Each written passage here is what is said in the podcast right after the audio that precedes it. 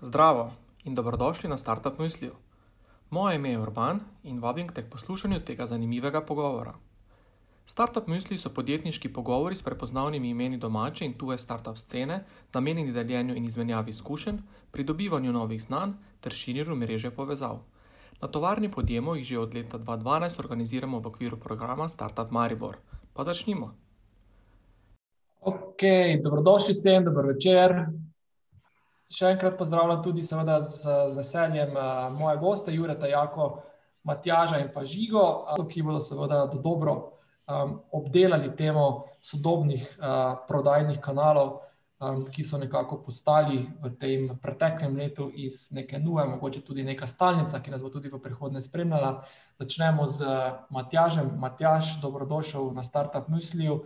Matjaž iz EKVB-ja. Matjaž, na kratko kdo ste in kaj počnete? Uh, zdravo, Urban. Uh, smo, smo podjetje, ki je precej globalno. Uh, nisem, včeraj sem ravno gledal, uh, bojda je nekih 192 držav na svetu. Uh, mi po zadnjem štetu smo prisotni v 136 državah. Uh, podjetje je staro 15 let, uh, mogoče sam to povem, da sem pač, uh, bil kar nekaj časa pač, uh, uh, poslovni angel, uh, sem se poznal z Urbanom že kar dolgo.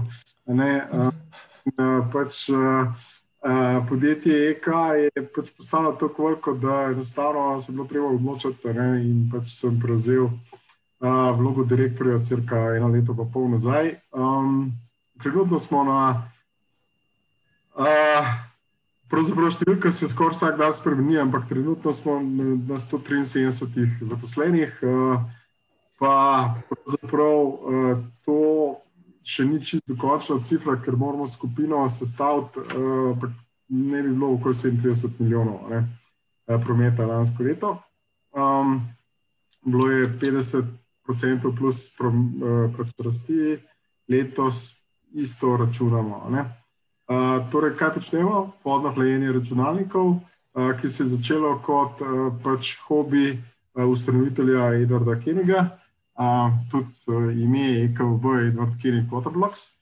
Um, in je pač zaradi tega, ker uh, sva zastavila od vsega začetka skupaj, uh, Edi kot uh, tehnični um, jaz kot poslovni um, in so rekli, da bo stvari pelala profesionalno od vsega začetka, čeprav je bila garaža, čeprav je bila v bistvu miza v študentskem domu, uh, je uh, pač uh, non-stop rastelo.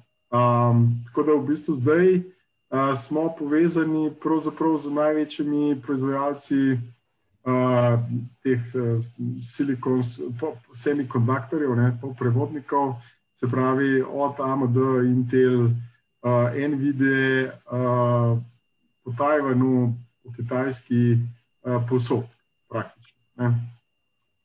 Uh, smo tudi v avtomobilski industriji, ker jim pomagamo pač, uh, delati vodno hlajenje za m, računalnike za avtonomno vožnjo. Uh, tako da pač uh, karkoli imate, mi znamo to ohladiti. Tudi razgreta srca. Ne, ne, torej EKA brand, uh, EKA brand pomeni tehnologija, inovativnost in strast, ne, tako da je v bistvu srce pa še bolj razgrajeno.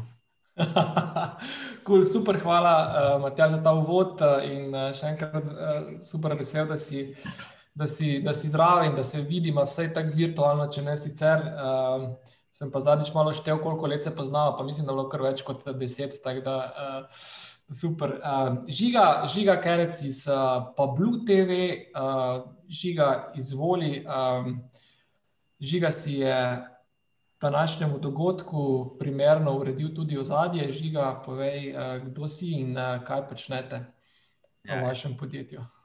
Jaz sem žiga, imam vijolično ozadje, ne zaradi, Maribo, zaradi barve našega brenda. Ampak, gledaj, take it as you will. Uh, pač pri Pablu TV se ukvarjamo z live stream shoppingom in smo early stage startup. Uh, želimo si vse to, v bistvu, kar je povedal Matjaž, da pridemo na, na vse te globalne trge in poberemo uh, vsa ta revenue. Um, ampak ja, ukvarjamo se z live stream shoppingom, kar je v bistvu nek nov način prodaje, ki, ki smo ga probamo prinesti iz vzhoda, kjer je to dokaj popularno uh, k nam na zahod. Uh, zdaj, korona nam je mogoče malo vodo na mlin, zato ker tudi podjetja malo bolj razumejo, da se morajo širiti uh, tudi v neke druge uh, sales kanale, da, da, da v bistvu niso na tem prenasičenem e-commerce trgu. Uh, sicer sem pa še soustanovitelj podjetja ShapeLabs, ki deluje kot mama uh, Pablotu in se ukvarja z gradnjo digitalnih produktov na predvsem tujih trgih. Se pravi, gradimo startupe za uh, ameriške, britanske, avstralske, uh, pa tudi iz ostalih držav, podjetnike, ki si pač želijo validirati neko, neko idejo. Hey, hvala, hvala, Žiga. Mogoče, eh, če začnem tudi s tvojim, eh, s tvojim začetkom, eh, rekel si, da bi želeli videti vse, kar je Matjaš oziroma EKVB.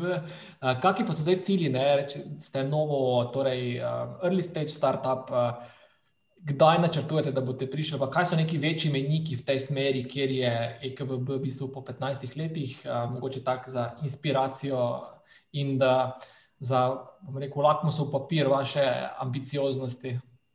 Ja, mislim, early stage startup smo predvsem zato, ker smo nekje v prvi četrtini leta 2020 komaj naredili pilotni, pač tesni, tesni live stream show, ki ga imenujemo Pablo Show.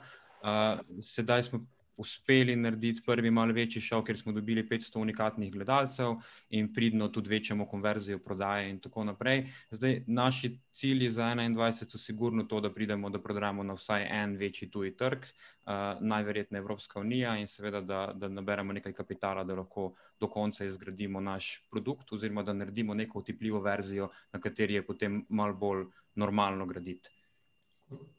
Super, um, hvala. Um, žiga, uh, Jure, Jure z nami, uh, nekako mojster uh, in virtuos nekih novodobnih primerov, prijemov, botov, avtomatizacije. Jure, kako si, si v redu, kaj počneš? Super, hvala, pa hvala za vabilo. Torej, če, če malo na kratko povzamem, pač um, po, po duši in po vsem skupaj sem uh, marketinger, pa komunikator. Um, v tem digitalnem okolju sem že um, desetletje plus. Um, pa moram reči, da v bistvu je fully zanimivo, da sem prišel vse različne faze tega ekosistema, ne, od uh, uh, start-up, uh, co-founderja do, do freelancerja, pa spet start-up, uh, pa zdaj recimo. Um, mogoče bolj agencijska oblika, ampak v resnici povedano je meni v bistvu um, relativno vseeno, oziroma ne mešam toliko tega, ker eh, podjetništvo v končni fazi je, je uh, precej podobno, ne, ga, ga ne bi želel fully razlikovati med sabo. Tako da, um, ja, omenil si že pač. Uh, um, Novodobne bote, pa te zadeve, čeprav to niti ni tako novodobno, če smo čisto iskreni. Ampak vse te stvari, v bistvu, ki jih počnemo, v resnici izhajajo iz neke komunikacije, različne komunikacije za uporabniki. In to me pač blazno tudi osebno uh, zanima. Um, in uh, predvsem je pa zanimivo preizkušati ali pa testirati. Uh, bom rekel, najnovejše tehnologije, ki so uporabniku relativno prijazne. Čim kaj vidim, je prva stvar, ki me zanima, kako bi lahko mi to naredili, uh, kaj je v zadju, in začnem uh, raziskovati. In to so pač take neke stvari, ki me peljejo in vodijo, vodijo dalje. Cool. Odlično, um, hvala za uvod. Uh, in uh, še Jaka, uh, Jaka, povej, kako Noirfood, čez koliko let boste tu, kjer je EKVB danes? Drugo, ja, ja, jaz upam, da drug let, ne, nekaj se govori, da drug let. uh, ja, zdaj, da januarja sicer je alkohol uh, bolj v v downgrade, čeprav presenetljivo, ne toliko, ker vsako leto vedno znova presenečeni, uh, da ga ljudje radi cugajo tudi januarja. Um, ja, drugače pa, ja, Kablažon je moje ime. Um, drugače, uh, včasih uh, sem bil en od začetnikov Poviolepsa. Upam, da bodo agencije čim hitreje začele ne leps uporabljati na koncu svojega imena. Um, pa pa zdaj le drugo leto uh, Buildamo Noir, uh, predvsem v želji, da zbildamo en hud brand, pa komunity okoli hrane, vina, ker mi verjamemo v to, da je pač gastronomi uh, next fashion in da tako, kot imaš v fashionu obleke in modele, imaš zdaj v gastronomiji, so šefi, so novi modli in njihovi diši so nove obleke in cel svet se vrti okoli te hrane in gor pa dol. Uh, predvsem pa kaj je naš produkt, uh, je pa v bistvu nek bridge med online in offline experience v gastronomiji. Um, se pravi, na online v bistvu delamo kot nek križanc med masterclassom in peletonom. Lahko tudi nekaj več o tem se uh, pogovorimo down the road, ker smo tudi mi zdaj malo daljši dopust, čez praznike vzeli, pa malo bolj začrtali plane za letos, pa tudi kako se bo to prodajalo. Tako da um, sem happy to uh, dig deeper. Um, ampak ja, um, tako da to sem jaz, drugače pa moj background je predvsem v salesu, uh, ampak ne toliko ta klasičen telesales, jaz ne znam prodati kulija v prostoru neznancev, ampak predvsem buildati neke long-term relationshipe z nekimi key stakeholderji v firmah. Teda, teda, to pa je moj background in morje, v katerem se počutim najbolj confident. In tudi poanta, v bistvu, novara je, pa temelj vsega je v bistvu dolgoročni odnos z uh, brenda z uporabnikom, obljube vrednosti z uporabnikom, um, ne pa prodana kulica v vakumu. Ne, to je super primerjava. Uh, odlično. Zdaj, tukaj sem že videl, da je žiga v čat zapisal svoj e-mail. Jaz bi prosil tudi ostale, da date vsaj LinkedIn kontakt notri, da vas lahko poslušalci, poslušalke, gledalci, gledalke pokontaktirate. Po Danes bomo odprli v osnovi dve temi. Ena je nekako novi poslovni modeli, ki so nekako posledica tega remote, prisiljenega remote dela, katerega, ki se je zgodil zaradi korone.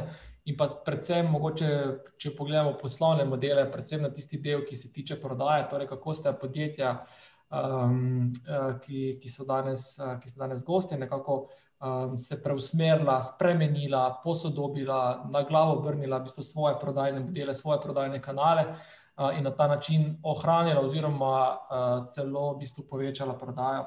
Um, tako da zdaj um, kar odpiram tudi vprašanje, tako da kar v čat zapisujte vprašanje, da jih sproti. Um, preberem. Uh, začnimo z Matjažem. Skratka, uh, rekel si, Matjaž, uh, rekordno leto 56. Uh, 35 eh, milijonov prihodkov, um, blizu 200 ljudi, lansko leto rekordno, plani za letos, uh, v bistvu enako ambiciozni, 50% rast, ki je odkot nekako vir te nekako brutalne rasti, ki jo beležite. Uh, zdaj pa, ko vprašam vir, mislim predvsem ali to, koliko od teh nekako procentov pripisujete bom rekel, tistim 14 plus letom nekako zgodovine, koliko pa dejansko nekim spremenjenim okoliščinam, ki so vam v prid, načeloma niste na njih imeli vpliva. Uh, uh, kompleksno vprašanje. Uh, se pravi, uh, definitivno nam je lansko leto in letošnje leto zgleda, da bo tudi tako. Ne? Uh, nam je šlo uh, dosta na roko, ne smo v eni od teh uh, branž, uh, ki beleži uh, pozitivno pač popraševanje, ne, ljudje so doma, tudi rabijo računalnike in tako naprej. In še več, v bistvu imajo veliko časa in pač to, s čimer smo mi začeli, ne, se pravi, custom loop water cooling za entuzijaste, je pravzaprav pač nek hobi, hobi, ki ga delaš doma. In če imaš veliko a, časa, ne, a, potem pač vzameš um, ali. A, računalnik, eh, da ga sam sestavljaš, ali pa KitKar, ne tako čist, by the way, ne kit, uh, KitKar producers so tudi uh, zabeležili lansko leto nore številke, ne, ne morejo dovolj hitro narediti. Se pravi, to nam je že šlo v redu, ampak uh, jaz sem pravzaprav uh, izval eno strokovnjakinjo, ki je drugače tudi z nami, ne, danes. Uh, pravzaprav, ali smo mi samo surfali na valu, pač tega povečanega demenda, ali pravzaprav smo mi dejansko kaj dobrega naredili. Ne? In odgovor je, da je enoznačen, ne? mi smo naredili precej več, ne? precej več kot je poprečje industrije. Zdaj, bi sicer zelo rad pohvalil, da je to, ker smo se tako hitro obrnili, pa to, ne, ampak uh, odgovor je večkrat bolj kompleksen. Namreč um, uh, dve leti, pa pol, se pravi, septembra, uh, ko smo zdaj 21, 20, 18, ne, tako. Uh, pravzaprav smo imeli Global Summit, to je pač naš. Uh, dogodek, eh, kjer se srečamo iz vsega sveta ne, in prediskutiramo za eno leto naprej, in smo se odločili, da bomo zaverificirali podjetje a, in da bomo zadeve razvili počasno na štiri pač poslovne enote, in da bo vsaka poslovna enota raz, začela razvijati izdelke. Um, in pravzaprav se je launch eh, poklopil z lanskim letom. Uh, mi bi mogli lansko leto vse to vršiti na, na trg, in dejstvo je, da pravzaprav zaradi korone uh, smo počasneje prihajali na trg, kot smo mislili. Bi, mogoče najbrž bi bila še bolj večja rast. Um, tako da v bistvu uh, tukaj je treba gledati predvsem bolj dolgoročno za vse cene in pa pač uh, razumeti trg. Uh, mi zaenkrat zgleda, da razumemo trg in da pravzaprav postavljamo neke trende. Eh, tukaj um, pravzaprav smo uh, disruptori, uh, zaradi tega, ker to, kar smo lansko leto, predvsem dal na trg, ne, uh, je to, da uh, delamo tehnologijo, podobno kot Tesla, ne, uh, visoko tehnologijo, ampak za bolj znosno ceno. Ne. To ni nizko cenovno, ne, ampak je pač veliko bolj znosno ceno. Mogoče samo še na kratko, Matej, za tiste, ki morda ne poznajo teh štirih stebrov, kateri so ti štiri stebri, na katere ste se diversificirali? Ja, eh, štiri stebri so. Prvi je pač custom loop in to je pač to, s čimer smo začeli. Ne? Eh, to je pač. Uh, komponente za vodno hlajenje za entuzijaste, kjer v bistvu pač sky is not the limit. Ne? Če hočeš ti pač narediti najlepši računalnik z vodnim hlajenjem, potem pač prideš KK. Potem je v bistvu druga poslovna enota, je pač uh, Easy Cooling. Uh, to je v bistvu enota, kjer smo rekli, da uh, v bistvu ti uh, moderi, ko se imenujemo, imenujejo, uh, pač oni hočejo zakomplicirati. In del te zgodbe je pravzaprav to, da uporabljajo čisto svoj besednjak. Uh, tako da, kot, če ti prideš kot nov noter, ne, sploh ne razumeš. Ne, uh, uh, v redu, super, uh, to je to. Ampak mi smo hoteli pač uh, začeti uh, pridobivati nove ljudi v ta, ta hobi, v ta trg. Zato smo uh, šli in smo začeli razmišljati, kako bi poenostavili uh, ta vstop v um, to področje uh, vodnih računalnikov, ki pa so na koncu itak namenjeni za igranje igric. To je ta druga. Potem v tretjem smo.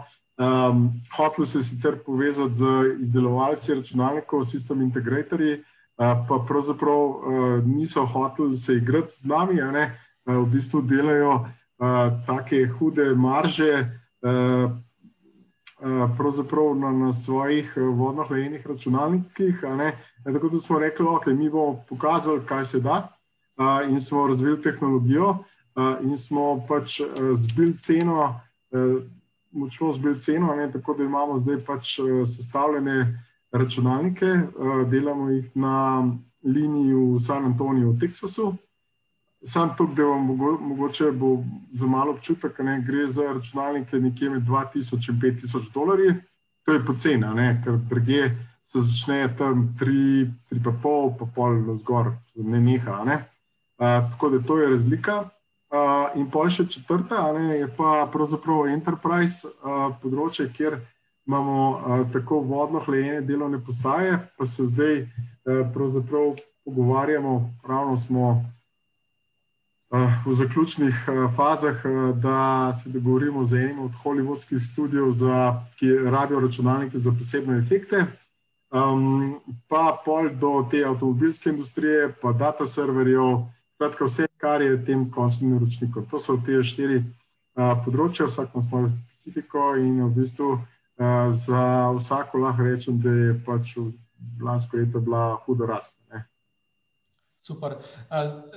Hvala, Matjaž. Zdaj, en izmed razlogov, da, da, da smo vas tudi povabili na, da smo te povabili na, dogo, na, na pogovor, je tudi da ste se v bistvu iz v bistvu teh sejmov v živo, ki so bili eni izmed vaših prodajnih kanalov, popolnoma pre, pre, pre, um, prestrukturirali in začeli izkoristiti uh, in organizirati sami sejme, v bistvu online sejme. Ne? In zdaj, glede na to, da so sejmi, prodajni sejmi, kar tako popularno prodajni, prodajni kanal ali pa prodajno orodje, um, mogoče nekako tvoja izkušnja ali pa vaša izkušnja z temi online sejmi. Skratka, verjetno si pred uh, letom, pa polno meni znal predstavljati, da bi šel na online sejem. Um, um, Medtem ko je danes to nekaj posebno običajnega, če to tvoje izkušnjo z temi online sejmi. Uh, ja, se pravi, uh, realnost je bila kar brutalna res ne bi nikoli mogel predstavljati. Uh, ampak uh, tako, jaz pač, uh, ko, ko smo še lahko, sem pač mogel veliko potovati. Uh, lansko leto se je zgodilo to, da sem bil um, 10. januarja v Las Vegasu, pa sem bil potem uh, direkt šel na Kitajsko in tam prišel za 14 dni uh, v Slovenijo in potem šel še enkrat v Ameriko. Um, in ko sem šel, um, pač že takrat na Kitajskem, in nekaj je bilo čudno. Ne? Uh, ko sem šel v Ameriko, ta drugič, ne, uh, pravzaprav uh, so že uvedli neke ukrepe ne, in tudi dobil sem informacije. Uh, pač, tako da meni je bilo jasno, da bo to počel, da to ni kar neki, ne, to je the real thing, uh, bil, mislim, vse tako je kazala. Uh, mi smo se odločili, uh, kot eni od prvih v Sloveniji, da v bistvu kar lepo preventivno uh, Eh, stvari zapakiramo in ostanemo doma, kdo le lahko, proizvodna dela. Eh, mi, ki pa lahko smo pač bili od doma, ne? tri dni je trajalo, da so pripravili, tako da smo v miru šli tam. Ne? Zakaj to razlagam? Zato, ker pač um, je, je vse to, ta del zgodbe. Uh, v bistvu, marca um, sem prebral en članek, kako so se uh, na kitajskem prilagodili. Uh, avtomobilska industrija oziroma pač ti uh, prodajni saloni. Uh, oni so bili v treh tednih uh, na, nazaj na spletu, oziroma nazaj so prodajali preko spleta, se pravi, v treh tednih so naredili spletno, uh, spletne strani, pa ne samo to, najdel so način, kako so pač uh, dostavljali dokumente brezstično do kupcev in tako. Um, in uh, Stvar je bila taka, ne, da uh, se je začel govoriti, in mi smo začeli razmišljati, ali bo naš uh, največji dogodek uh, v letu, to je Compotex, uh, ki je na Tajvanu, Tajpeju. Ja, uh, in uh, a bo ali ne bo, ne, in jaz sem pač enostavno rekel, evo, uh, nima ok, mi moramo začeti delati na uh, pač, uh, spletnem eksportu. Uh, in stvar je bila zelo divja, uh, ker sem rekel, da zdaj le ni važno, uh, kako dobro bomo speljali, pa koliko stane, ampak je važno, da speljemo. In dejansko pač so tile um, tajvanski uh, organizatori balinali gor dol, bo ne bo, bo ne bo. Ne? Z vsakim tednom je uh, zgledal uh, slabše, ampak oni kar se niso dali in so kar pač uh, predstavljali odločitev. Potem so predstavili uh, dejansko še uh, sam sejem iz junija na september, zato da je bila zmeda še večja. Ne? In tisti, ki so čakali, ne, uh, tisti so dejansko izgubili. So izgubili popolnoma. Uh, tisti, ki smo pač odreagirali takoj, uh, tisti smo imeli nekaj. Ampak moram reči, da pač, kot smo gledali, ne, Eh, je bil naš eh, ta mm, Expo ne, eh, en izmed boljših. Ne. Sprav, ne gre za to, da bi naredili takoj spletno prodajo, spletni sejem. Mi smo samo hoteli se pokazati svetu, ker pač drugih okn ni bilo. Dobili smo veliko več, zaradi tega, ker smo dobili vse te strokovne ljudi, ki so prihajali, gre za strokovni sejem, in smo dobili vse naše uporabnike tako da uh, pač posledica je bila, um, no, zelo velik doseg je bil. Uh, mi smo naredili prvič uh, uh, tale um, keynote. Uh, to je bilo zelo zabavno, ne, zato ker ga še ni noben delo. Uh, bilo treba se naučiti, trenirati, ugotoviti, kaj je to keynote. In imel, zdaj, jaz sem šel gledati ravno uh, pač en teden nazaj, zato ker zdaj imamo, smo zaključili ravno ta, ta drugi sejem, uh, dogodek uh, v letu. Ne, 37 tisoč uh, ugledov tega kinota izpred šestih mesecev. Um, kar kar pridem. In toliko obiskovalcev na našem štantu, nikoli v sanjah ne bi imeli. Ne?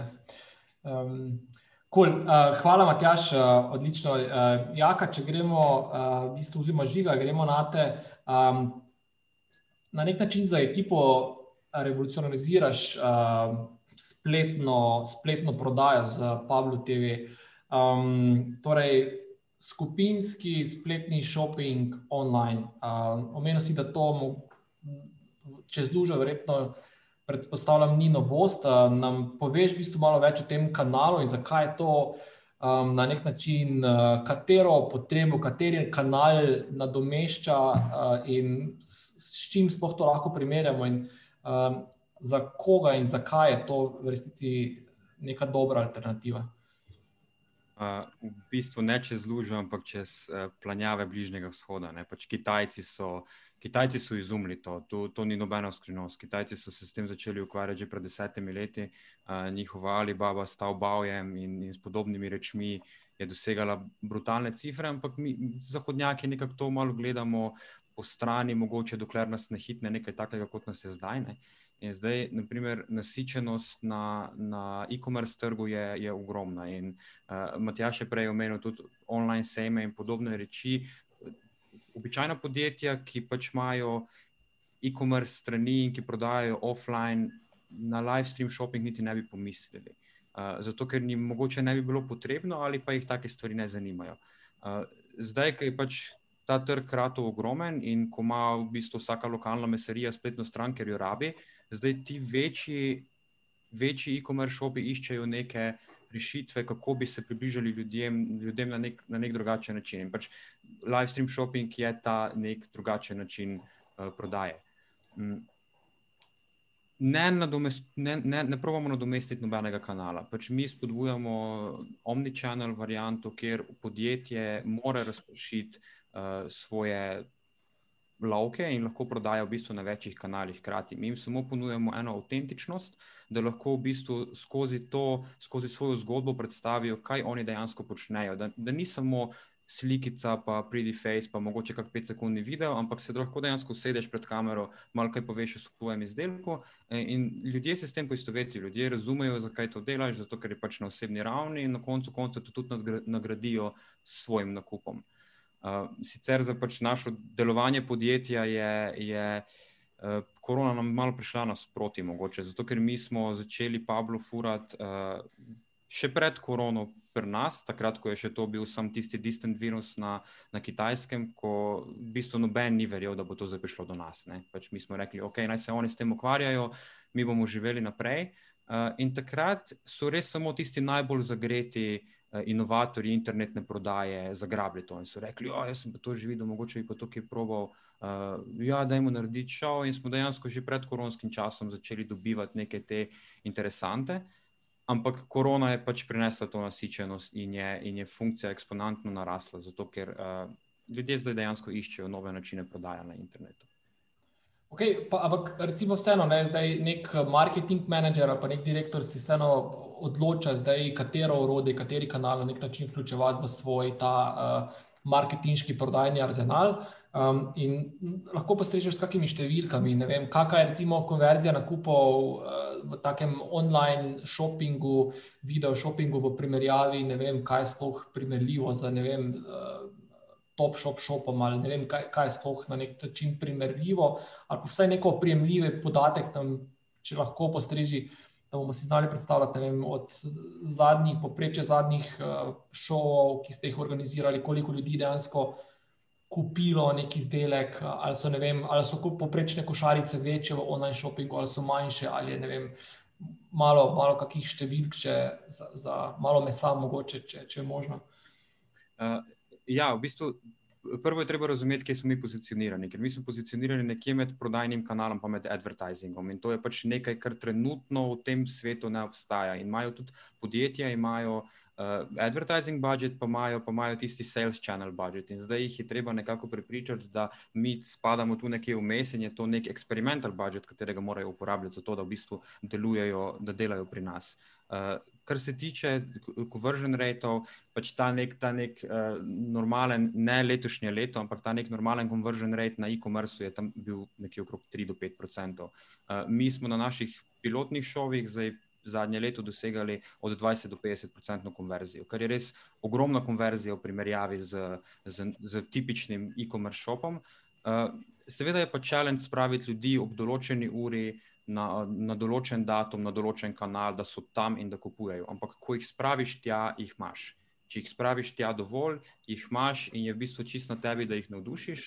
Eh, če jim posoliš eno eh, posebno ponudbo ali produkt launch ali kaj podobnega, se komotno dejaš 30 eh, plus procentov konverzije po trenutnih testih, ki jih izvajamo.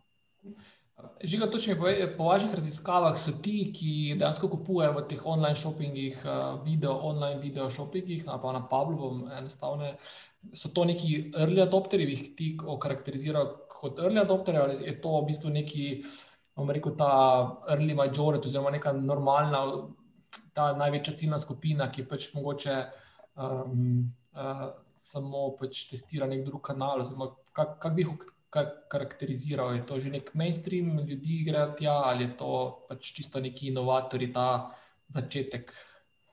Uh, kupci so definitivno mainstream. Tu so early adopteri, so tu sellerji, ljudje, ki se odločijo delati svoje live stream šove. Kupci so v bistvu samo njihovi sledilci, ki ali pridejo po priporočilu nekoga, ki jih oglašuje, ali pridejo iz svojih lastnih, iz svojih lastnih izkušenj do tega brenda in pač rečejo, okolo oni delajo pa nek live show.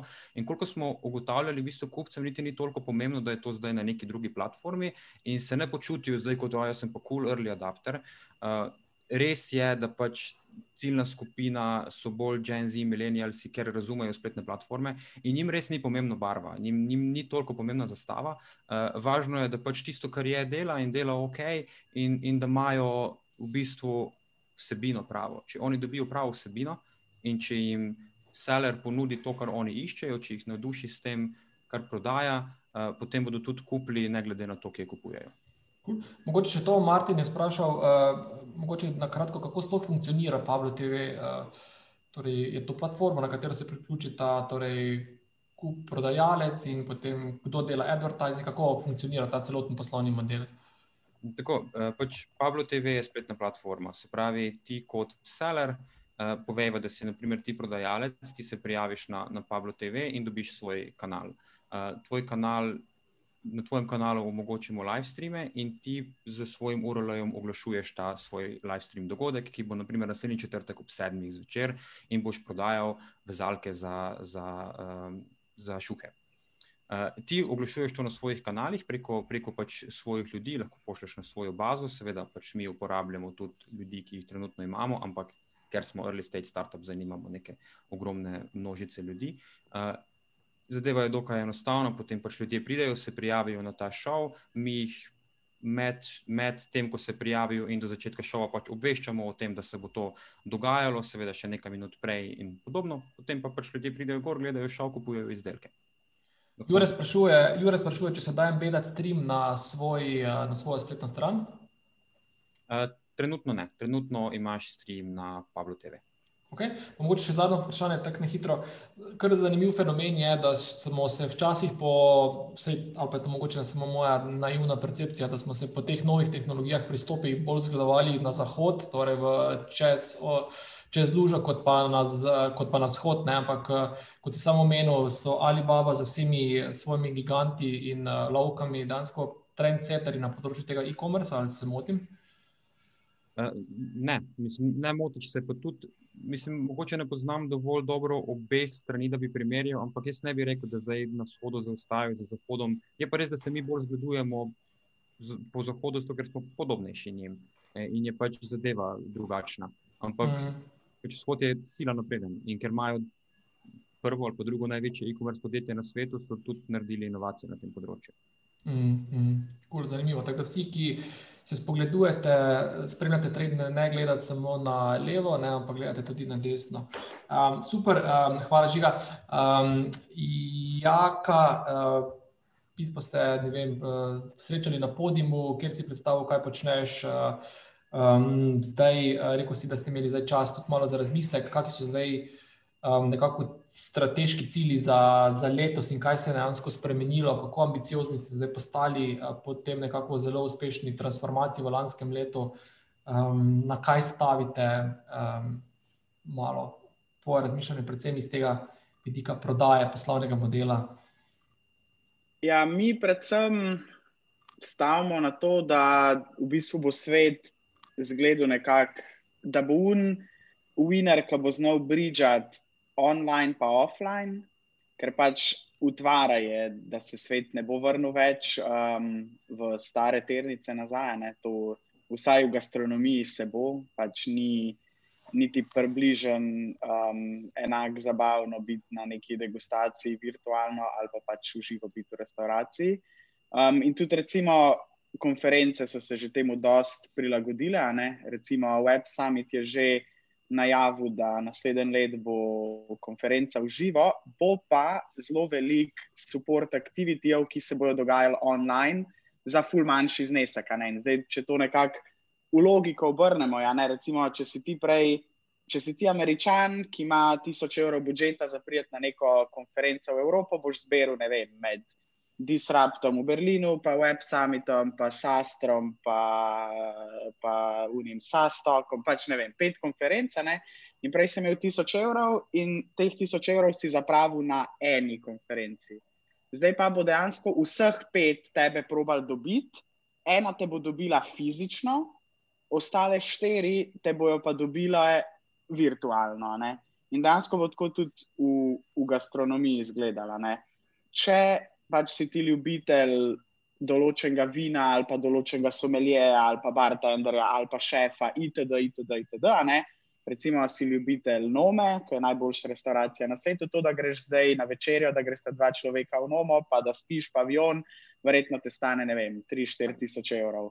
Ampak, ok, si daš letni budžet, da boš ti zapravil letos, ne vem, 5 tisoč evrov za take stvari. Druga opcija pa je, ja, da boš šel v svojo najljubšo, boš šel fizično, ostale si boš pa njihove stvari domov naročil in si boš sam naredil mil po njihovih navodilih. In mi pač tukaj vidimo en bridge med peletonom in med masterclassom. Se pravi, peleton za tiste, ki ne poznate, pač peleton je zdaj res imel nerealen razcvet, to je pač sobno kolo, ki ga ti goneš in pa imaš tvoj ekran in se joinaš ljudem, ki isto traso furajo in imaš tam inštruktorje in tako naprej. Ne? In ful, zmotno mišljenje je, da je Peloton dober zato, ker ima pač najboljšo to tehnologijo kolesa. To ni res. Peloton je najboljši broadcasting company, ker ima najboljše trenerje, ima najboljše proge, ima največji community, investori se pa hvalijo tam po Twitterju, koliko je kdo prekolesaril, itd. itd. In mi zdaj na polno gremo v ta model, da boš ti lahko užival kulinarične stvari online doma, in tudi, ko se boš odločil, da pa narediš obisk v živo, bomo mi tisti, ki bomo facilitirali. A se tako reče, na kup. Se pravi, na kup se bo zgodil prek nas. Pač v praksi to zgleda tako, da zdaj launchamo, zdaj imamo cel rebrand produkta, z novim packagingom pridemo ven, itd. itd. In pač ne vem, si lahko naročiš naš paketek domov in gledaš produkcijske epizode, o vinu, o koktejlih, zdaj pridemo tudi s food paketi, se pravi, da v bistvu si naročiš nepokvarljive sestavine domov, pokvarljive sestavine si sam zrihtaš in imaš spet masterclass, full znanih šefov in si sam doma mil narediš. Ko pa se odločiš, da greš ven, da greš na večerjo, pa dejansko ti večerjo že vnaprej kupaš prek nas. In pač razvijamo zdaj en POS sistem, kjer ti že vnaprej kupaš um, pač mil in restauracije dobi denar takoj. Tako da to je pač naš bed. Dejansko se zdaj več časa ukvarjamo s tem, kako bo življenje v fizični obliki izgledalo letos, konc leta, ko bomo nazaj, ker ta virtualni del smo bolj kot ne že naštudirali in nam je jasen, in je pač treba sam produkt spilt um, čist do konca. Ta fizični del pa še ni nobenemu čisto jasen, kako bo izgledal. No, se mi zdi ta zanimiva misel, da je ta spletni fenomen relativno in mehanika tega spletnega pospeška vsem vam, ki ste na spletu dejansko uspeli, oziroma je korona samo pospešila ta spletni razcvet, se mi zdi, da je relativno jasna in logična, da pa je glavna neznanka, kaj pa bo potem. In uh, nekako ta diverzifikacija produkta, uh, produktnega portfelja in to neko mešanje med fizičnim in um, virtualnim je, je tisto, kar pa je po mojem še zdaj največja neznanka, s čimer se tudi uh, verjamem, da še kdo drug ukvarja. Um, okay, kaj zdaj, um, zdaj zmagovalci uh, tega? Tega, tega dolge, teka na dolge proge bodo torej tisti, ki bodo najuspešnejši tu v tem kompleksnem procesu, ne, ker to pa postaja med ta prehodi med fizičnim procesom in, in um, virtualnim, ta user journey postaja vse bolj zahteven. Uh, in kje vidiš ti, recimo, neko rdečo nit, kaj je tisto, kar bo povezalo ta virtualni in uh, fizični svet? Je to brand, je to, je to skupnost, je to ne vem.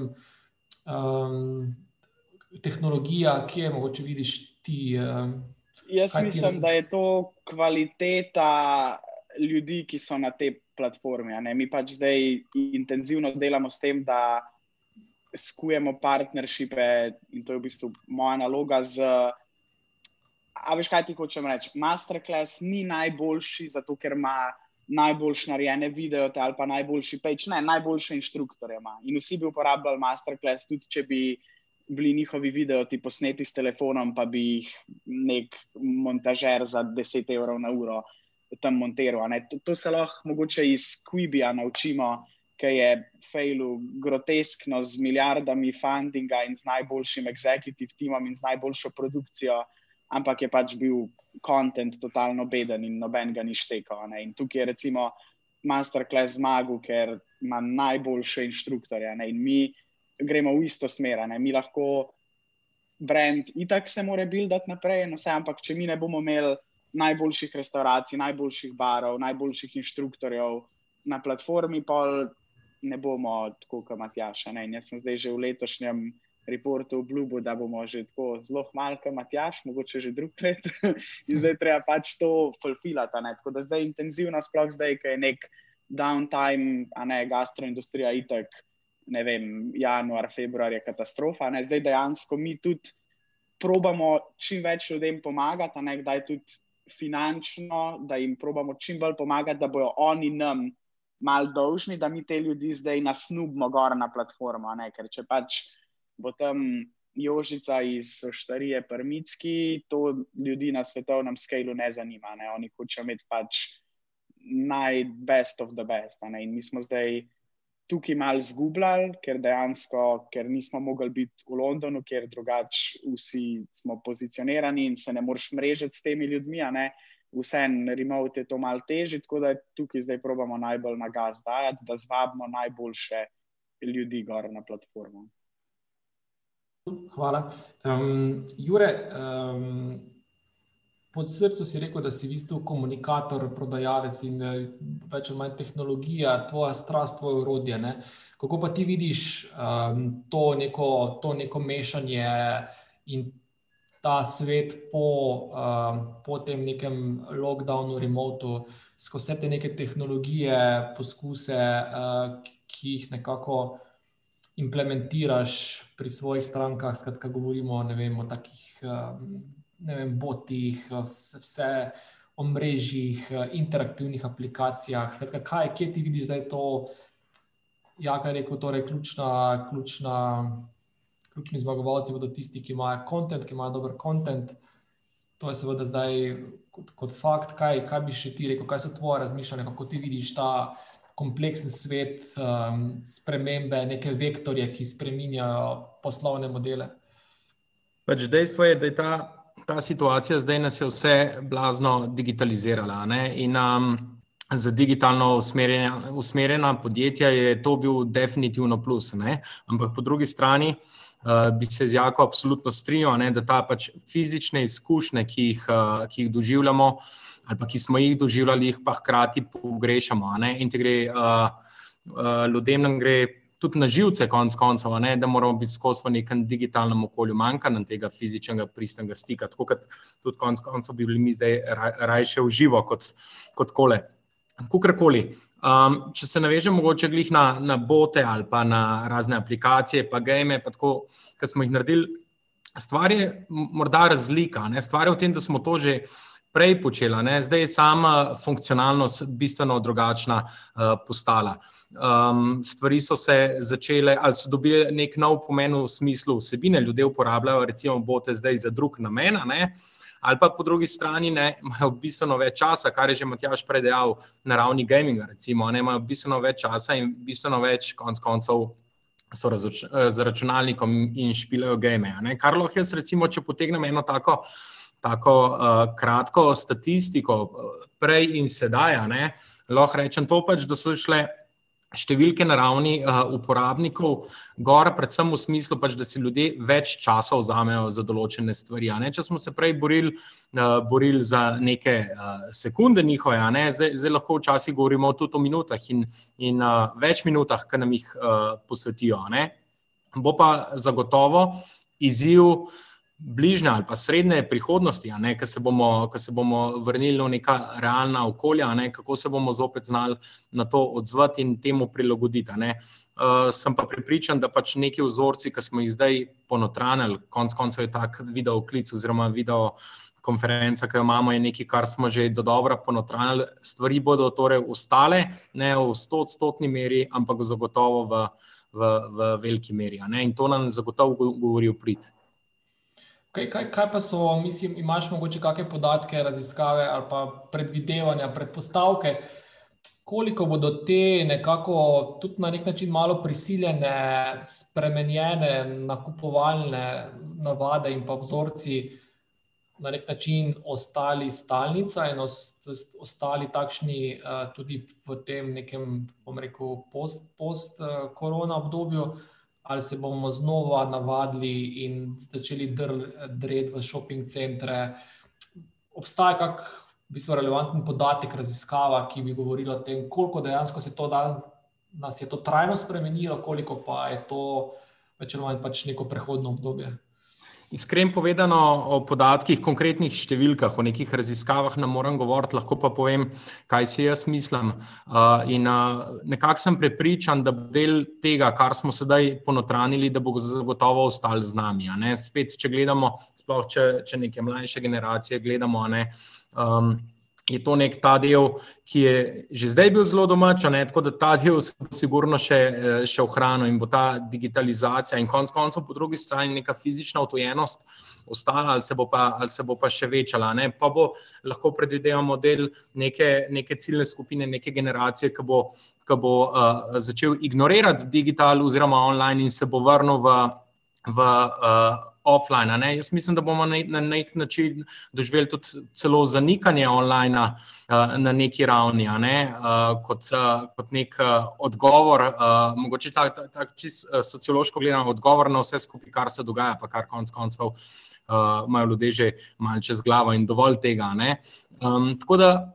Pa konec koncev neka, neka kombinacija vsega tega bo ustala in sem res, res, res prepričan, da, da ne bo zdaj, ok, zdaj se je to zgodilo, zdaj to pozabimo, gremo spet na, gremo spet na stare ternice. Ne, uh, mislim, da ne.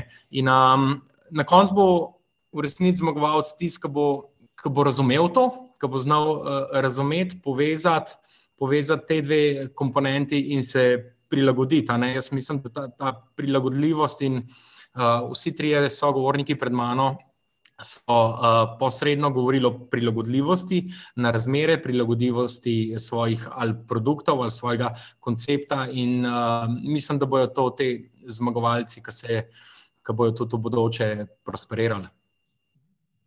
Um, hvala. Um, mogoče um, žiga zdaj uh, ta e-commerce, tudi navezujoč se na to, kar je rekel Jure ta e-commerce borba se v bistvu še zaostruje. Skratka, močni bodo postali še močnejši in še težje bo v ta nasičen, krvav ocean v bistvu prid, ker je pač toliko zahteven. Um, kaj pa ti misliš, torej, uh, um, bodo, bo, bo, bodo kupci ne, uh, cenili te, oziroma bo še teže za nove playerje vstopiti na ta trg, ali, um, ali bo recimo nek nov player imel enake pogoje, ali pa v bistvu bo, bo lahko še z nekimi novimi pristopi, pa kako inovativen boš mogel biti, da boš vstopil v ta brutalni trg. Uh, no player, govorimo pač nov brand. Ja, ja, ja. ja. Mislim, tu se, pač, tu se lahko naveže tako na Jako, kot na Jureta. Content is king. Pač content je king. Mislim, da Jure dela točno to v svoji agenciji, pač prodaja iz strani kontenta produkte. In valjda ljudje, pač firme se bodo mogle potruditi, če bodo hotele priti v to, uh, be a shark in the sea of shark sceno. Ne, uh, ne moreš. Ja, ja, mislim. Ob drugače postavil vprašanje, mogoče pa lahko kdorkoli, Jaka, Matjaš, Jurek, kdorkoli želi skočiti. V tradicionalnem svetu je to, da si imel ti vem, na Kertner štrase na Dunaju svojo fizično trgovino, ti predstavljalo konkurenčno prednost, ker preprosto je to premium lokacija, ki je težko uh, v bistvu nadomestiš, oziroma je verjetno niti tako sofisticiran marketing online, težko v bistvu, pač, v bistvu izigrane. Zdaj, uh, ko se tako vse prestavi v online in če ta online nakupovanje postane neka stalnica, ali bo sploh še ta neka fizična lokacija um, igrala neko vlogo, ali bo preprosto ta trg e-commerce in prodaje postal popolnoma raven, globalen. Um, ali, um, Ja, sorry, bo še bo of thought. Bo, uh, seveda bo, seveda bo offline prodaja še vedno popularna. Podobno kot imaš recimo Tesla, kjer ga avto ti naročiš na internetu, ampak še vedno imaš salon, kamor prideš to stvar fizično pogledati. In, in je nekaj, kar te, če ti imaš na Dunaju v centru mesta svoj salon, te to še vedno dela nekaj več od tistega, ki ga nima. Podobno na internetu, ti lahko narediš določen kanal, ki ima kontent v, v, v veliko večji vrednosti kot, nek, kot neko drugo podjetje, in v bistvu s tem zmagaš. Super, um, hvala. Um, tu mi je Nataša na moji levi napisala, da v bistvu nakupovanje čevljev v prodajalni ni, ne more zamenjati noben računalnik, voni na tip čevlja in smajli. Da, jaz mislim, da Nataša vse povedala, kar se tiče fizične izkušnje na Kertner Strase. Um, če gremo na vprašanja, um, zadnjih 20 minut gremo pogovora. Um, Eli, Eli sprašuje, mislim, da je to vprašanje za Jako. Uh, kaj pa je vaš value proposition najboljšim restauracijam, da sodelujejo prav z vami, da grejo preko vas, kako jih zvabite? Uh, Jaka? V bistvu to je, to je zdaj tako zanimiva tematika, ne? ker nam, nam v bistvu je cilj, zdaj value preposition najboljšim restauracijam je pač dejansko to, da mi, a veš, na eni strani buildaš community, zato da ti lahko ti te restauraciji garantiraš določeno količino trafika. Ne? Sploh zdaj med COVID-om smo to kar uspešno izvajali, ker dejansko imamo že tako velik community, da dejansko vse, kar si zmislimo, lahko prodamo. Ne?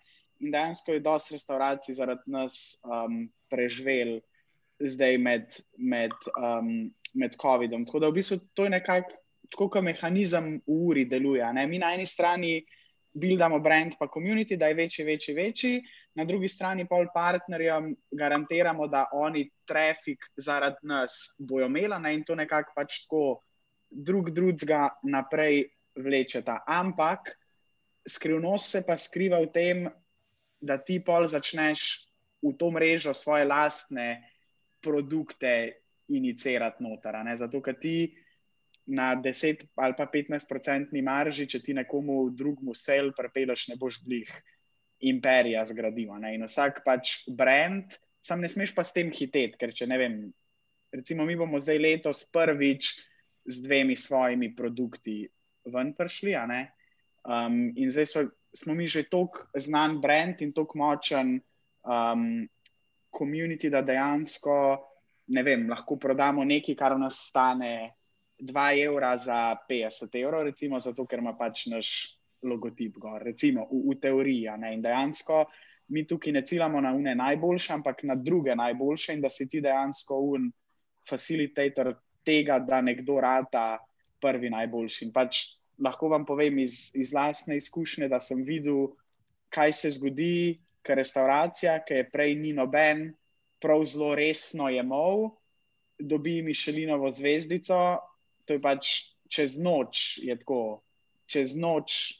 Jaz sem dve zanimivi stvari v življenju videl. Prva stvar je bilo, ko smo na povijo tu lončali brand od Serene Williams, sem videl, kakšno moč ima najbolj plačana ženska na svetu, kaj, kaj se zgodi, ko ona dejansko reče, hej, jaz imam svoj šop in pa milijoni ljudi zdrvijo tja. In druga stvar, res zanimiva, ki sem jo videl, je, da je dejansko restauracija, ki noben prej ni prav zelo šmerglu, dobila mišljenko, kako je čez noč, naslednji dan so pa vsi tja hoteli in full dobro in najboljši, in mi vsi tega šefa poznamo, prej pa ni noben, resno imamo. In mi, mi hočemo to narediti, da če ne vem, boš čez dve leti, bo restauracija na na platformi, ali pa bomo mi o njej pisali, ali pa to, da dejansko jo ti narediš ful dobro. Ne? In tam pa bolj dejansko lahko nek resen reden delaš. Um, pa pa vidim, da je še en, a to lahko odgovorim, urbana. Sam, samo mogoče, da se nekaj navežem na uh, mogoče zanimiv fenomen, ki si ga omenil. Skratka, skupnost, v tej skupnosti si zgradiš v bistvu neko prepoznavnost, nek brand in potem iniciraš tukaj tudi svoje, uh, svoje produkte, ne? prodajno, prodajna strategija. Zdaj, Matjaš, um, tudi pri vas na nek način ste vi začeli relativno osko nišo, skratka, teh uh, v bistvu hladilnih sistemov za high performance računalnike. Ampak dejansko ste vi v ta svoj, temu svojemu komunitiju, ki je bil v osnovi uh, v prvotnem namenu samo namenjen upgradanju vem, že obstoječih računalnikov, ste vi zdaj začeli ponujati v bistvu svoje kompletne rešitve in na ta način ste postali konkurenca tistim, ki so bili, bom rekel, jedro za vaše produkte v prvi fazi vašega, um, bom rekel, življenja, EKVB. Um, se te neke kanibalizacije zavedate, uh, se bojite, jo izkoriščate, kako vidiš to neko um, strategijo prepletanja? Ja, večkrat bolj, bolj natančen. V bistvu uh, ti naši uh, entuzijasti pravzaprav uh, niso kupovali te komponente zato, da bi upgradili računalnike, ampak gre za to, da so začeli z nule. Uh, skratka, to so bili, do, pa niti ne do it yourself, ampak dejansko uniki, ki so res uh, hoteli delati, da bo nekaj, poleg tega, da bo bolj hladilo, lahko bolj navijalo računalnike, tudi da bo bolj zgledal. No? Po eni strani. Uh, po drugi strani, ja, imaš prav, ne? v bistvu te SAE, sistem integritete, ki sem jih omenil, uh, v bistvu um, oni so pač uh, igrali neko igro, kjer so pač nas hoteli primerjati z Kitajčki. Uh, Kitajčki, seveda, so cenejši kot uh, mi, uh, ampak oni so hoteli kitajske cene od nas, medtem ko so končni izdelek prodajali po pač res bolani marži. Tako da mi smo pravzaprav nekako dve leti porabili za to, da smo jih pripričali, da gremo v neka partnerstva, in oni niso hoteli. Ne? In potem smo rekli, ok, zdaj pa dost. Ne? Zdaj pa pač bomo pokazali pač našo tehnološko rešitev, pa bomo videli, kaj bo. bo in zdaj so oni pač pod precejšnjim. Eh, pritiskom pravijo, da, da je to ne mogoče, ne, kar mi počnemo. In, to je to. Ampak zdaj, če grem samo še nekaj nazaj, pa malo eh, mogoče osvetlim to, eh, glede prodajnih kanalov. To, Od vsega začetka smo mogoče mi imeli malo srečo, ker smo pravzaprav delali z entuzijazmi. Z entuzijasti in pravzaprav entuzijasti so seveda tudi zelo zahtevni. Uh, in mi smo od vsega začetka se zavedali, da tisto, kar je fulj pomembno, je pravzaprav dodana vrednost. Um, mi uporabljamo še vedno vse kanale, da se razumemo, uh, uh, ampak uh, smo ravno danes uh, uh, diskutirali na našem um, OIF-u, to je pač forumu, uh, kjer se povežemo iz vsega sveta. Uh, da Uh, vsak od kanalov ima svoje mesto v našem ekosistemu, eh, ker z vsakim kanalom lahko določene stvari narediš. Eh, Tisto, kar je fully pomembno, je to, da je pač ta kanal, naš direkten kanal, um, B2C, uh, je pravzaprav kanal, kjer, lahko, ki ga imaš najbolj pod kontrolo in lahko najbolj našponaš ta uh, value edit. Ne? In mi smo od vsega začetka pravzaprav full delali na tem value edit. Uh, in smo vmes bili uh, tudi močno pod stresom, uh, ker uh, res je dobro iti na Kitajsko, vsaj za en mesec. Uh, tam ne vem, kdo lahko dela uh, posel uh, po svetu, če ne gre na Kitajsko. Vsaj za nekaj časa je videti, kako hitro se tam stvari obračajo, kako so pred nami in pred američani. Um, ampak kakorkoli, tam pač uh, so nas priprečevali, da nas bodo Kitajci razsuli. Ne? Zato, ker njihove cene so enostavno take cene, da v bistvu mi ne moramo dosegati. Tudi, če bi porezali vso to našo dodano vrednost, uh, ki smo jo zagotavljali, uh, ne bi tudi slučajno mogli priti do bistva. Torej, kaj zdaj, ne? pač kar zapremo. Kva, na koncu smo ugotovili, uh, pač, uh, bil je tudi nek strateg, ne, bivši, bivši svetovalec ene od uh, teh uh, svetovalnih firm, svetovnih, uh, ki je to razlagal. In uh, mi smo ugotovili, da pravzaprav sploh nismo na istem trgu. Pač obstajajo neki ljudje, ki ja, jim je zelo pomembna cena ne, in bojo pač šli skozi trnje, zato da bojo potem pač ta izdelek dejansko spravili v življenje. Ne. A, in bo veliko več takih, ki bojo pač cenili dodano vrednost, ki ni samo izdelek, ampak je tudi najboljši podpor v panogi. A, je konec koncev to, da imamo net promotor score, ki je bil, no, lansko leto je bil boljši od Apple. Letos je, ne, predlanskim je bilo boljše od tepla, lansko leto je bil za eno točko slabši, 81, ne promotor skoraj. Ne. In to je vse v bistvu tisto, ko vidiš, da delaš ta prav dodana vrednost. Tako da, če se kaj želite zapomniti, kar sem povedal, ne, zapomnite si to. Delite na dodani vrednosti, delite na perceived value added for customer, ne, ker to v bistvu vas pol dvigne uh, nad vse ostale. Ampak, Matjaš, to si dal super point. Um, in to je, se mi zdi, veliko krat nek, neka, nek strah uh, pri tem, ko razmišljaš, kam se pozicioniraš, in to, da ti uh, rekel, ne moreš tekmovati za najboljšimi. In pač vaš uh, EKB je še en primer, da pač na ničnem trgu lahko to ne dodano vrednostjo, kvaliteto, v bistvu zmagaš in v bistvu narediš um, en velik globalni preboj.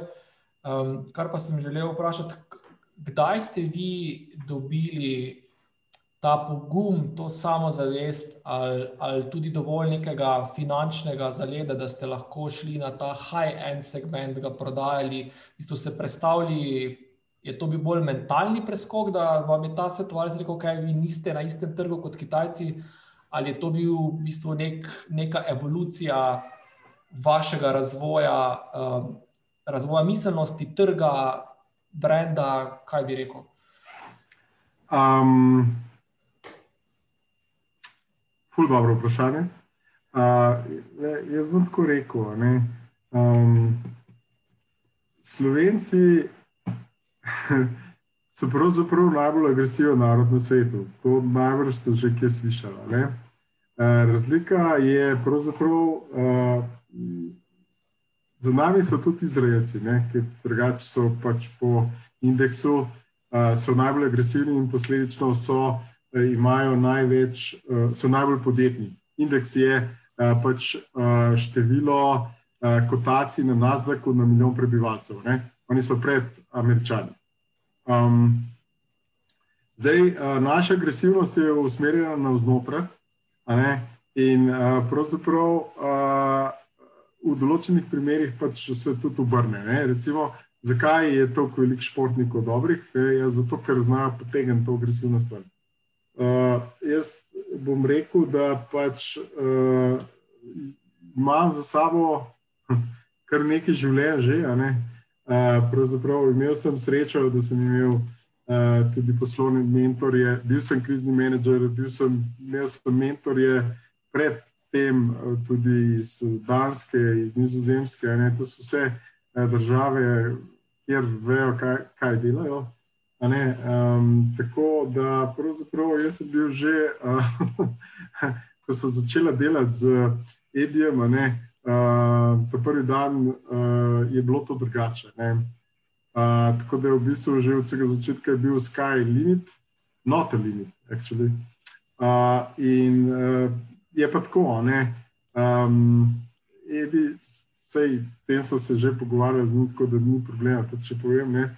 Edi mi je pol ne vem, pisalo se je leto sedem, ne, na enem sodelovanju in je rekel, a veš, mutijaš, ne, a, skupaj smo naredili poslovni načrt, ne, jaz sem, in sem spoznala se tako, da sem jaz vodil delavnico za poslovni načrt. Um, a, in potem smo pa začela delati skupaj. A, in on je rekel, a veš, kaj si mi ti na začetku razlagal, kaj bomo naredila, ne, pa kako pa to. Ne? Jaz večine stvari nisem razumel. Ne? Ampak zdaj vem, kaj si hotel povedati, ne? in zdaj smo tam. Tako da v bistvu, lej, uh, vse se začne z drznostjo.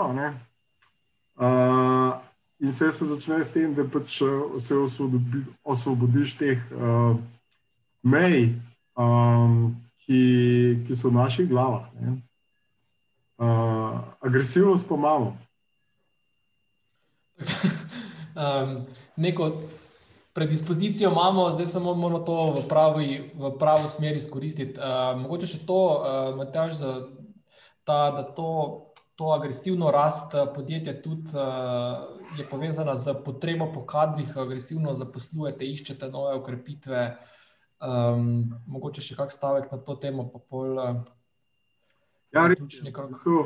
Uh, mi se imamo predvsem za razvojno podjetje, uh, so rekel tehnologije in tako. Uh, tako da pravzaprav iščemo uh, ljudi v razvoju, iščemo ljudi v marketingu, pa v digitalu, uh, digital solutions.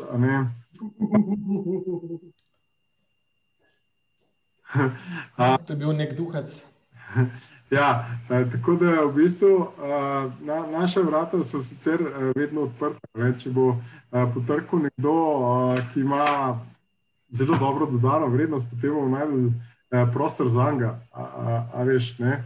Je pa tako, da pravzaprav um, se že od vsega začetka probujemo biti odprti, smo malo internacionalizirani, mi se imamo posadke pač po posameznih državah ampak prav v Sloveniji, v Komendi, kjer smo, ne, je tudi nekaj malega tujcev, ampak zdaj delamo na tem, da je bilo še več, ne, da bi še bolj multikulti bilo. Je pa tako, da pač tudi ZDN skupaj vzgajava neko kulturo, ki je res nekaj posebnega. Ne, to lahko tudi pogledate na YouTubu. Sem se zadnjič prav smejal, ker je računovodkinja pač obelodanila celemu svetu, da je fulešečna EK, zato ker v bistvu lahko uporablja za nakupovanje kartice od lasnika.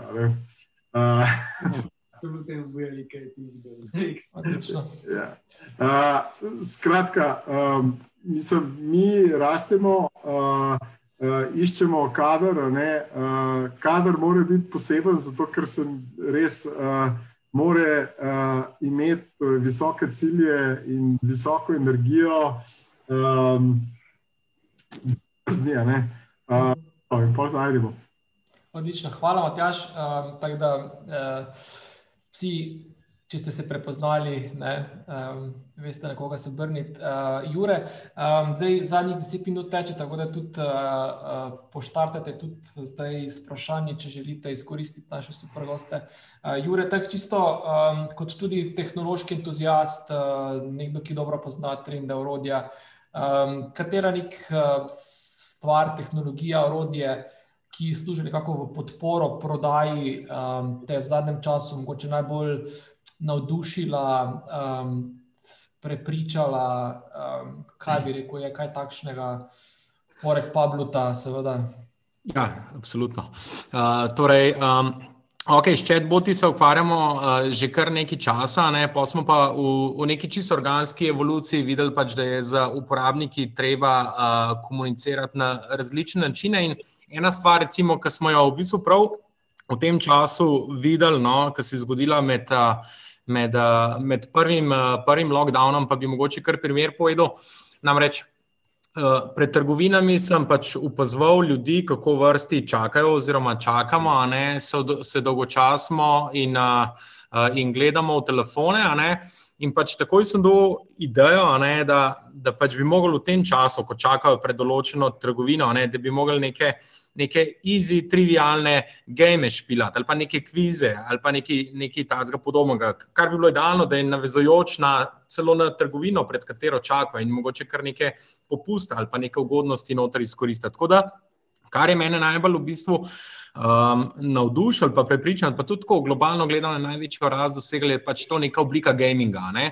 Pa ne govorim uh, o ultranaprednih gamih, pa aplikacijah. Ne? Lahko so čist uh, bistveno bolj trivialne, lahko so skoraj da znotraj Facebook Instant Gaming ali pa česar koli drugega, ampak uh, relativno.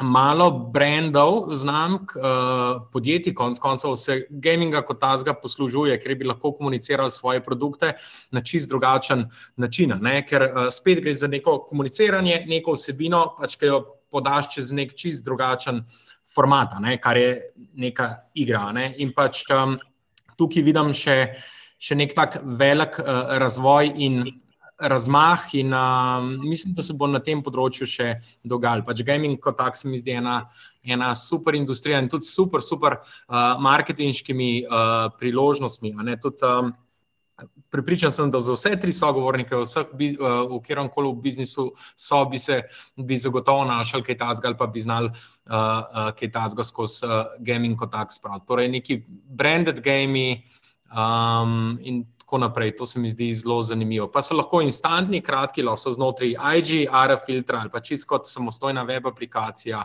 kakorkoli. In tudi to, kar smo zdaj neki takih kaj so delali, smo videli, da ima v bistvu blazno, blazno eh, dober odziv. Um, tako da to no bi rekel. Še, še ena stvar, mogoče vezano na to, ne omenil si torej čakanje v vrsti. Zdaj, uh, je mogoče še kak drug tak fenomen uh, ali pa tak moment uh, ali pa v bistvu nov korak v tem celem nakupnem procesu, ki se je v tem koronskem času nekako pojavil ali pa ukrepil in ga je vredno izkoristiti, pa na njega nismo recimo, bili pozorni. Eh, to čakanje vrste je že tako ena zanimiva, um, zanimiv moment. Eh, še kakšna taka druga, bom rekel, nov korak, nova pot uporabnikov, um, ki, na katerega je vredno polagati pozornost. Uh, ja, mogoče, če rečem, čakanje uh, v vrstah pred samo trgovino, ne, pa čakanje v vrstah, ko si online naročil stvari, ne, recimo hrano, konkretno. Ne. Tako da, če se pa še na drug del obrnem, ne, so pa ti v bistvu um, customer support servisi. Um, Imajo absolutno tudi uh, blazno velik potencial. Sej, če, če samo pogledamo, uh, neke Google tehnologije ali pa, ali pa ja, so, pogovorne asistente. Um, imajo v bistvu te stvari že. Maja, samo, samo se kurem, Maja, se mutaš, pis. Uh, ja, izvoli, torej, uh, torej, se mi zdi tudi uh, nek ta moment nekih voice asistentov, voice botov, ki bo pa skrajšal čakalne vrste, ko bomo naročali. Uh, uh, iz uh, trgovine hrano domov, da bo tudi ta podpora oziroma ta podpora ratala bistveno instantnejša, da, da ljudje ne bojo tudi v njih vrstah tok čakali. Cool. Super. Super. Čakalne vrste torej, so še za, uh, za disruptat. Mimo vrste, čakalne vrste. Um, hvala. Um, Nataša sprašuje, žiga, uh, zanima me, kakšna je poprečna starost obiskovalcev, ki obiskuje live shopping na vaši strani. Imaš kakšen podatek? Zelo odvisno od brenda. Imamo pač pri brendih, ki so mlajši, naprimer Peach Beauty Plan, ki dela predominantno za punce od 18 do 30, so bile pač punce od 18 do 30. Naprimer, ko smo delali šov za Senzilabom, eh, kjer so prodajali uh, produkte, ki so bili bolj usmerjeni na generacijo 30 do 45, smo imeli full ljudi od 30 do 45. Tako da brend si nekako sam določi svojo uh, starostno skupino obiskovalcev. Mhm. Uh, še manjka, vsi gosti tukaj zelo globalno usmerjeni, kaj od tega pa deluje v Sloveniji. Torej, predpostavljam, da govoriš manjka o pristopih, torej live shopping, boti, etc. Še posebej, kar se tiče srednje in starejše populacije, ki jim teh ni najboljši prijatelj. Ima kdo odgovor za manjco? Mogoče, jaz bi tukaj sam en, mogoče eno izkušnjo, ki so boti tudi omenjeno dodal. Pač kar smo doskrat videli, je tudi to, ne, da ljudje, predvsem mogoče neke starejše ali pa ja, recimo malo starejše generacije, ne, niti ne vejo, morda, da se z boti pogovarjajo. Ne, ampak to je v resnici čisto ok, s tem ni nič narobe. Tako da uh, prepričan sem, da smo vsi že z njimi komunicirali, pa morda nekateri niti ne vedo, ampak to, to je vse super. Tako da.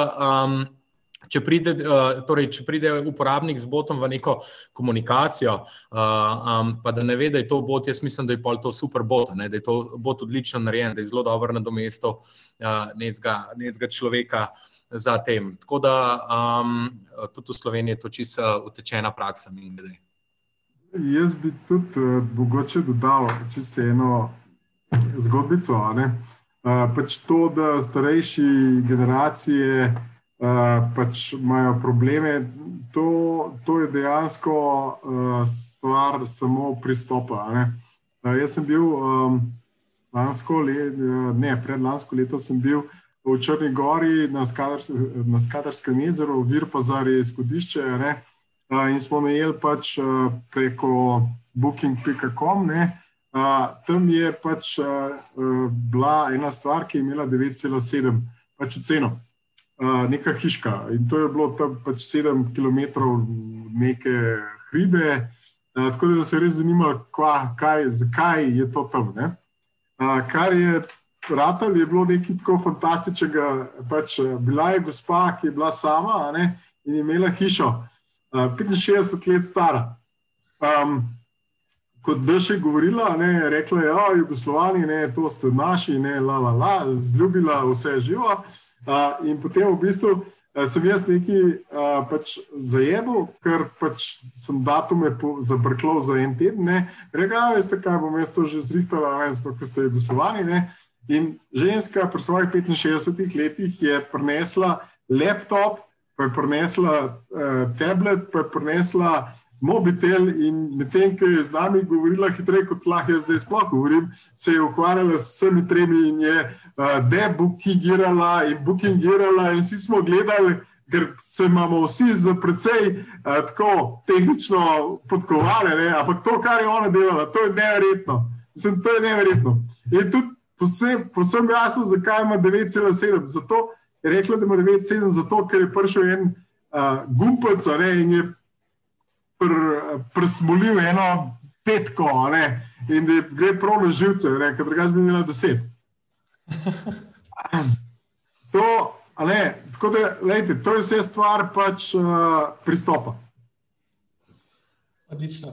Uh, dobra epizoda je ravno to, da se v bistvu tudi populacija spremenja. Mogoče neke stereotipi v bistvu čisto padajo, ki, uh, ne, ki, ki, za katere so veljali. Um, eno vprašanje, mislim, da še bilo neodgovorjeno. Um, Eli, uh, za jako, uh, v bistvu bidlane takega komunitija, masa, kanali, mogoče še na kratko, um, kako izmed teh podvprašanj. Uh, kak je bi bil najboljši? Sem da je najbolj važen, da si, da si full ustrajen. Zato, ker sploh ta prvi let smo mi full trpeli. No. Tako, mogoče tudi, če priješ iz, iz neke večje firme, pa tako začneš komunity iz nule buildati. Jaz se zihar tega ne bi še enkrat lotil, ker ne vem. Ti se full potrudiš in narediš nek dober event ali pa kontent. Ljudje, dokler tvoj brand ne zraste, they don't care. In pa se ful potrudiš in imaš na YouTubu pet ogledov na video. In je full pain in moraš leta in leta in leta in leta ustrajati. Mi smo en promil tega, kar bi radi bili, ali pa še to ne. ne? In vedno moraš se pač čist osredotočiti na to, da ne jemliš tega osebno, če pač ne vem greš v nek kolab, mi smo šli z enim brandom iz Londona v kolab, ker smo mislili, da bo full hit, ker je brand že bil full večji od nas, pa je bil full fail, ne, ampak pač tega ne smeš osebno vzeti in sam moraš naprej buildati. No. Da Ampak, ko pa pogledam nazaj, pa res ne bi šel še enkrat tega delati z nule, zato ker je res, um, mislim, tako, tako intenzivno, kot smo mi um, delali, pa res to veliko ljudi pri nas še, se še ne zaveda, da kolebi so res najbolj važni. To mogoče vam je lahko dober primer, ki je IKEA naredila koleb z Off-Whiteom, za tiste, ki ste mogoče malo bolj na fashion mahnjenja, ne Virgil Abloh je verjetno največji fashion designer naše ere, je v bistvu transformiral IKEA iz čip pohištva v najbolj hod furniture brand in so se pred pražniki po 3 uri evrov prodajali in so ljudje v vrsti za IKEA noter čakali, samo zato, ker je on pred pražnik podpisal. In tako, brendi drug drugega gor vlečemo, ponavadi manjši brendi bolj profitiramo od tega, da z večjimi brendi delamo, ne? ampak tudi oni imajo vedno kakšne dobre um, vabe noter. Tako da predvsem to je tak, kar smo mi pogruntali, nek name of the game.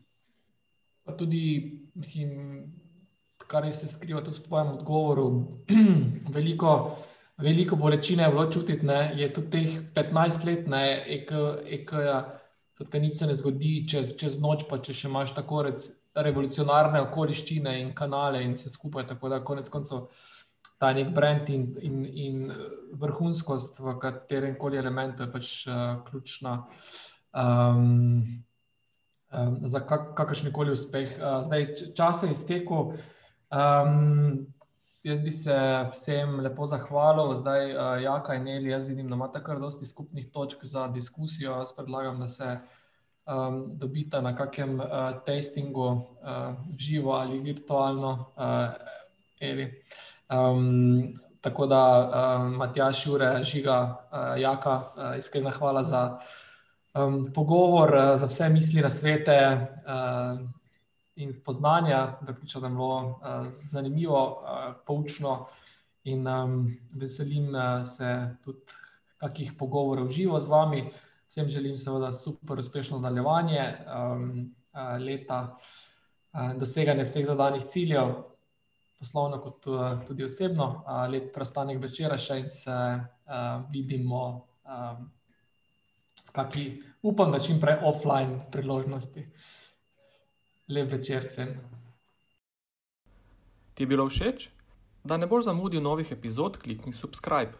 Veseli pa bomo tudi tvoje ocene, komentarje in delitve da za nas vedo še druge radovedne glave. Pobrskaj po naši bogati zbirki pogovorov, gotovo se v njej skriva še kaj zate. Se slišimo?